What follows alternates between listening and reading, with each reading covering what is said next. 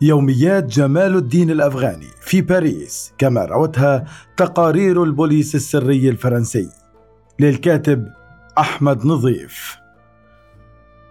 تتوارى أزقة باريس الرمادية تحت طبقة سميكة من الثلوج فيما تزرع الريح الباردة القادمة من تخوم القطب المدينة في جولة من جولات برد شباط القاسية. يبدو الشتاء 1883 غير مختلف عن الشتاءات التي مرت على المدينة إلا أنه سيكون فارقا ومفصليا لرجل يرتدي عمامه سوداء ويدخل الكهوله بروح الشباب الثائر. فقد وصل السيد جمال الدين الحسين الأفغاني الأسد أبادي لتوه إلى عاصمة الجمهورية الفرنسية الثالثة قادما من الشرق الأقصى في رحلة بحرية طويلة. لم يكن الافغاني شخصا عاديا. فهو إحدى الشخصيات الأكثر جدلا في تاريخ المسلمين الحديث وسبق قدومه إلى باريس تاريخ حافل من النشاط السياسي والفكري الذي جره وراءه من عواصم الشرق الملتهبة في الأستانة العثمانية وصولا إلى حيدر أباد الهندية مرورا بالقاهرة حيث ترك اثرا سياسيا في النخب الدينية الصاعدة في تلك العواصم. عام 1969 نشرت الباحثة الإيرانية هوما باكدامن رسالتها للدكتوراه التي اهتمت فيها بالأفغاني عند دار النشر الفرنسية الشهيرة ميزونوف ولاروز وقدم لها المستشرق الفرنسي الماركسي ماكسيم رودينسون. كشفت الدراسة عن مجموعة من الوثائق التي نشرت لأول مرة حول حياة الأفغاني في باريس وكان لافتا من خلال الملاحقة التي نشرتها الباحثة في كتابها الجزء المتعلق بالوثائق الأمنية. وهي عبارة عن تقارير حررتها الأجهزة الأمنية الفرنسية حول تحركات الأفغاني وعلاقاته. ظلت بقية هذه الوثائق لعقود حبيسة في رسالة باكدمان دون أن تصل إلى القارئ العربي. وبالرغم من الدراسات العديدة التي نشرت حول الأفغاني وحياته وخاصة فيما يتعلق بمواقفه من القضايا العربية في عصره كالثورة العراقية في مصر وعلاقته بالغداوي توفيق 1852 1892 والثورة المهدية في السودان 1881 1885 والاستعمار الإنجليزي.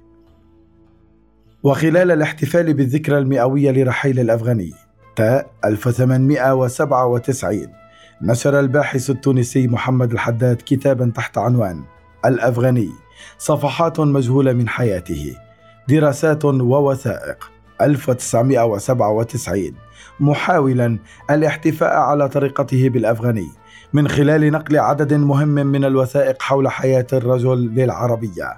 ومن بينها الوثائق الأمنية التي تخص حياته في باريس والواردة في رسالة الباحثة الإيرانية باكدمان. إلى جانب وثائق أخرى تتعلق بسجالات فكرية كان الأفغاني يخوضها في مجتمع النخبة الفرنسية وأشهرها سجاله اللاهوتي حول الإسلام والمعلم مع المؤرخ الفرنسي أرنست رينان 1883 غزير الثقافة ويتحدث بثمان لغات. في 20 حزيران يونيو 1883 أرسل مدير شؤون الإجرام في شرطة لندن رسالة إلى رئيس الشرطة الفرنسية يطلب فيها التعاون من أجل معلومات حول الأفغاني. وعلل طلبه بأن الأفغاني كتب رسائل تهديد للعديد من الشخصيات في مصر فشرعت الأجهزة الأمنية الفرنسية في التحقيق حول المزاعم البريطانية وكان ردها شديد الإيجاز في رسالة مؤرخة بتاريخ 20 تموز يوليو يقول فيها رئيس الشرطة الفرنسية لنظيره في لندن يشرفني أن أنقل لكم هنا نتائج التحقيق الذي أمرت به بهذه المناسبة. السيد جمال الدين هو من رجال القلم أصله من أفغانستان. عمره 45 سنة. أعزب. يقيم منذ السابع عشر من شباط فبراير في عدد 16 شارع سيز الدائرة الباريسية العاشرة ويدفع إيجارا مقداره خمسون فرنجا. لقد استأجر هذا البيت باسم جمال الدين وكان قادما من كلكاتا الهند ولم يسبق له القدوم إلى باريس. المشهور عنه أنه غزير الثقافة وأنه يتحدث بثمان لغات رغم أنه يستعمل الفرنسية بكثير من العصر. شارك السيد يعقوب صنوع أستاذ اللغة العربية ورئيس تحرير صحيفة عربية مقرها في باريس. 48 جادة كلاش. تحرير عدة مقالات مناوئة لإنجلترا. يستقبل العديد من الزوار ويبدو مترف الحال. سلوكه اليومي وأخلاقه لا تدعو إلى أي ملاحظة سلبية. ويشير الحداد في تعليقه على الوثيقة الأمنية الفرنسية إلى أن فرنسا كانت في ذلك الوقت عاقدة العزم على مكايدة البريطانيين بعد احتلالهم مصر في 1882 فسمحت لبعض مناوئي ذلك الاحتلال بالإقامة على أراضيها وتوجيه نشاطاتهم ضد الإنجليز. وقد استفاد جمال الدين الأفغاني من هذا الوضع وأقام في باريس. ويتبين من خلال التقرير أن الأفغاني حتى ذلك الوقت لم تكن باريس تعتبره من العناصر الخطيرة رغم أن المعلومات الواردة بشأنه تبدو قليلة جدا. ويظهر في نص الوثيقة الفرنسية اسم يعقوب صنوع أحد رفاق الأفغاني في باريس منذ قدومه إليها. كان لصنوع وهو يهودي مصري من رواد المسرح الساخر دور بارز في استقبال الأفغاني وتقديمه للنخبة الفرنسية وللصحافة. وقد شاركه الأفغاني في تحرير الصحف التي كان يصدرها في باريس. أبو نضارة والوطن المصري والتي كانت تعادل وجود البريطاني في مصر. لم يكن هذا الرجل مسلما ابدا. لاحقا بدأت المخابرات الفرنسية في إجراء متابعة دقيقة لنشاط الأفغاني وعلاقاته. وبعد عام من قدومه وضعت مصالح إدارة الشرطة الباريسية مذكرة في 28 أذار مارس 1884 ترصد تاريخه ومعتقده قبل وصوله إلى فرنسا يقول كاتبها جمال الدين ذو روح الشديد التحرير تميزه عن غيره من أصحاب ديانته. لقد شارك هؤلاء فترة ما كراهيتهم للأجانب وخاصة الإنجليز. أول ما نال عداوته في بداية درب نضاله الذي لم يتوقف ابدا. لم يشهد الاحتلال الإنجليزي في الهند عدوا في مثل عناده وإصراره. بل يقال أنه ادعى النبوة مثل صديقه أحمد مهدي السوداني. الزعيم السوداني محمد أحمد مهدي. ولقد نشطت السلطات الإنجليزية في البحث عنه ولم يفلت من أيديها إلا بفضل إخلاص أصحاب ديانته الذين أخفوه فترة ثم يسروا له فرصة السفر بحرا. وصل إلى الأستانة واستقبل بحفاوة كبيرة. فقد استقبله السلطان عبد العزيز في قصره استقبالا تخلله كل مظاهر الاحترام. كذلك عامله خلفاء عبد العزيز بالاعتبار عينه آملين استعمال نفوذه عند الضرورة لدى مسلمي الهند ضد الإنجليز. حلفائهم الأعزاء وقد تابع الإنجليز تحركاته في الأستانة وطلبوا من الحكومة العثمانية أكثر من مرة توقيفه وإبعاده ولكن دون جدوى. إلا أن جمال الدين قدم لهم بنفسه مع الأسف فرصة الإيقاع به فقد عين أستاذا بإحدى المدارس فتعرض ذات مرة في درس عام إلى أصول الديانة الإسلامية وهيجه تصفيق أعضاء تركيا الفتاة. فبلغ به الحد أن نعت محمدا بالدجال واعتبره هو وبقية الأنبياء أصحاب حرفة يجنون وحدهم مكاسبها. لقد فجر فضيحة ضخمة ووجدت السفارة الإنجليزية الفرصة المناسبة لتصوير جمال الدين بصورة الرجل الخطير الجدير بالعقاب. ويتابع كاتب مذكرة سرد مسيرة الأفغاني حتى قدومه إلى باريس. التقى في باريس خليل غانم أفندي الذي كان قد عرفه في الأستانة كاتبا لأسعد باشا.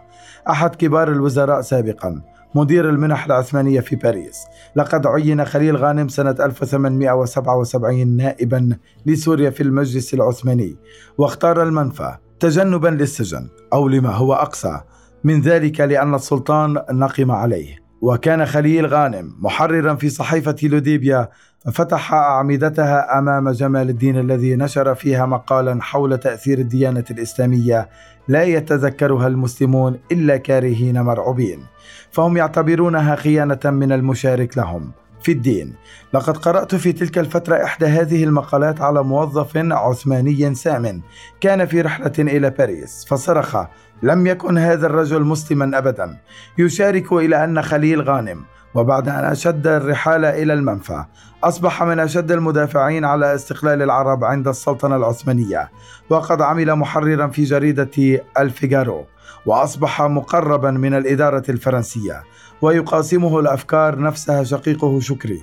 الكاتب المسرحي اللبناني والذي هرب من بلاد الشام نحو مصر ثم باريس وانتهى به المطاف مترجما في مكتب الفيغارو في تونس. من جنود المهدي. عندما وصل الأفغاني إلى باريس كانت الثورة المهدية في السودان تعيش أيام عزها. 1881 1885 خرج محمد أحمد المهدي مؤسس الطائفة المهدية في عام 1881 ثائرا ضد الحكم المصري للسودان. ما تطور لاحقا إلى صراع ضد الاحتلال الإنجليزي ونجح بحلول عام 1883 في هزيمة الجيش المصري المدعوم إنجليزيا والذي قاده الضابط البريطاني هيكس باشا في واقعة الأبيض. أثارت انتصارات المهدي في سياق الهزائم التي تعرض لها العالم العربي والإسلامي في نهاية القرن التاسع عشر. عواطف جياشة لدى قطاعات واسعة من المثقفين العرب والمسلمين في ذلك الوقت. بينهم جمال الدين الأفغاني. وفي هذا السياق يقول كاتب مذكرة المخابرات الفرنسية تعرف جمال الدين على السيد روشفور وكتب مرات عديدة في صحيفة الإنترنساجان. ثم استيقظت كراهيته للإنجليز بنشاط حثيث على وقع الانتصارات الأولى التي حققها المهدي في السودان فعاد إلى تحمسه الأول للإسلام ليقاوم به الإنجليز إذ أنه الوسيلة الوحيدة لتحريك الجماهير السودانية التي تخلط بين الدين والوطنية. لقد التحم بالنبي الأسود المهدي بل لعله ذهب للقائه في معسكره ونصب نفسه ممثلا للمهدي ومنافحا عنه في باريس حيث نشر صحيفة عربية عنوانها العروة الوثقى. وروشفور المذكور هو هنري روشفور 1831 1913 الذي ربطت الأفغاني به علاقة متينة وكان المحرر الرئيسي لجريدة الأنترسجان واسمها يعني المتصلب وكان اشتراكيا صلبا. وأحد رموز كومونة باريس وتشيد المذكرة الفرنسية بالدور الذي لعبه الأفغاني في بناء جسور الثقة بين الإمام محمد المهدي وفرنسا بالقول. نحن مدينون له بما نالته فرنسا لدى المهدي من تأثير وحظوة. لقد تضمنت مراسلة وردت من مصر. منذ أيام قليلة أن المهدي قال لمبعوثي الجنرال جوردون قائد الجيوش البريطانية في السودان إنه لن يتفاوض ابدا مع الإنجليز لكنه مستعد للتفاوض مع الفرنسيين بشأن السلام. وتضيف البرقية الإخبارية إن فرنسا مدينة إلى وكيلها في الخرطوم السيد هاربين بهذا الاحترام الذي يكنه لها المهدي. لكن الحقيقة أنه كان مستحيلا على السيد هاربين الاتصال من الخرطوم بالنبي المهدي. وإنما يرجع الفضل إلى جمال الدين في الحظوة التي نالتها فرنسا لدى الثوار. أضف إلى ذلك أن صحيفة الانترساجان أعلنت منذ بضعة أيام إيفاد السيدين أوليفييه بان وروشفور الابن إلى معسكر السودان فلا بد أنهما يحملان مكاتيب توصية من جمال الدين. كما أشارت المخابرات الفرنسية في مذكراتها إلى اللعبة السياسية التي يقوم بها الأفغاني في سياق دعمه للمهدي إذ يحاول أن يدفع بالتناقض بين تركيا وإنجلترا إلى أقصاه منطلقا من طبيعته البراغماتية وفقا للوثيقة التي يقول كاتبها محاولا تحليل هذه النفعية. إن جمال الدين شأنه شأن كل الشرقيين قادر على المجاملة عندما يلاحظ عجزه عن المعاداة فلقد رأيناه يضحي بأفكاره الليبرالية ويعود مسلما متحمسا مدفوعا بكراهيته للإنجليز ورغبته في الاستحواذ على حق التحدث باسم المهدي بعد أن كان يظهر في الأستانة بمظهر المفكر المتحرر. ولا مجال للشك في أنه عندما تتخلص مصر والسودان من الاحتلال الإنجليزي سينقلب جمال الدين ضد الأتراك الذين يحتاج الثوار السودانيون إلى دعمهم. اليوم للانتصار على الإنجليز. رغم أن دعمهم السياسي بحت إلى حد الآن يبدو أن الخطة التي يتبعها المهدي وجمال الدين حاليا هي قطع الطريق أمام كل محاولة اتفاق بين تركيا وإنجلترا حول المسألة السودانية. غموض حول تمويل العروة الوثقى. بعد فترة من المساهمة في تحرير صحف يعقوب صنوع توجه الأفغاني نحو تأسيس جريدته الخاصة العروة الوثقى في أذار مارس 1884 وتشير المذكرة الأمنية الفرنسية الصادرة في الشهر نفسه إلى أن الجريدة كان مقرها بعدد ستة شارع مارتيل أما هدفها على ما ورد في التعريف بها. فهو محاربة الإنجليز الذين اغتصبوا مصر ومحاربة السلطان الذي اغتصب الخلافة. ثم ضم المسلمين إلى دعوة المهدي وحثهم على الاعتراف به نبيا بشر القرآن بظهوره. ترسل الصحيفة في شكل حزم بضائع إلى البلاد العربية وشمال إفريقيا. وقد صدر منها عددان يفيان بما وعد به جمال الدين في إثارة ضد الإنجليز. لكنهما لا يتضمنان نفس النقد موجها إلى السلطان. على عكس ما كان منتظرا من قراءة التعريف بالصحيفة إن هذا التغيير يؤكد الشائعات التي سبق أن عرضتها حول اتفاق مفترض بين المهدي والسلطان العثماني على أنه يجدر التساؤل عن الجهة التي تتولى تمويل الصحيفة العربية لجمال الدين ذات التكلفة الباهظة. هل يملك المهدي موارد مالية؟ إن هذا أمر مشكوك فيه. وفي وثيقة أخرى نشرها الدكتور محمد الحداد في كتابه. نجد رواية يمكن أن تكون حلا لأحجية تمويل العروة الوثقى الغامض. إذ تكشف رسالة وصلت إلى هيئة تحرير صحيفة باريس في 29 من تشرين الثاني نوفمبر 1484 من شخص مقيم في إيطاليا ويبدو أنه أحد المعاونين السابقين للأفغاني عن تمويل مصري للجريدة العربية الوليدة. ويكشف كاتب الرسالة التي نشرتها الصحيفة الفرنسية بتاريخ 3 كانون الأول ديسمبر من العام نفسه أن ممول الجريدة هو إسماعيل باشا خديوي مصر المخلوع في العام 1879 والذي كان يقيم حين ذاك في مدينة نابولي في إيطاليا حيث نجح أحد الوسائط أن يحصل على الخداوي على هبة بمليون فرنك فرنسي لفائدة جمال الدين. ويقول الكاتب المجهول لما تخلص الشيخ من الضيق المالي استخدم من بيروت صديقا له وهو محمد عبده للعمل معه في الجريدة. لكن صدور الجريدة أصبح مهددا بعد مدة بسبب نقص التمويل إذ رفض إسماعيل باشا أن يقدم مزيدا من الهبات للأفغاني بعد أن منحه 2000 فرنك إضافي تحت الإلحاح الشديد وفقا للوثيقة. أدى ذلك إلى الاستنجاد بالجنرال حسين التونسي وهو مساعد سابق للوزير خير الدين باشا في تونس وأول رئيس لبلدية تونس وأحد المساهمين في تحرير العبيد. وكان التونسي مقيما في منفاه الإيطالي بعد دخول الاحتلال الفرنسي إلى تونس وكان يمتلك ثروة كبيرة.